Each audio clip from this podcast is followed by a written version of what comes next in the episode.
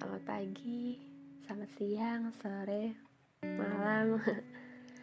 Jujur, ini kali pertama aku menuangkan isi pikiranku ke dalam sebuah podcast.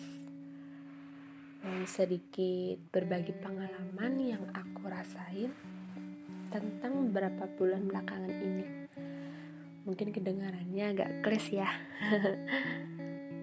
tentang sikap pendewasaan mengharuskan aku untuk melakukannya.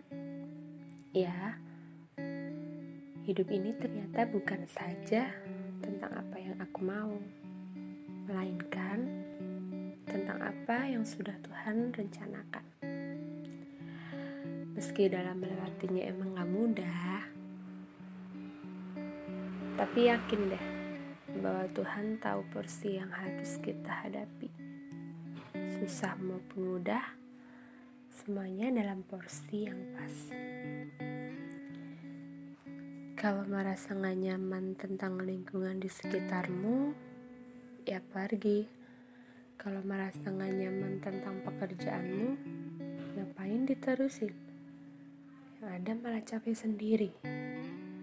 Kalau merasa memiliki hubungan yang gak baik dengan seseorang, buat apa dipertahankan? Hidup itu indah.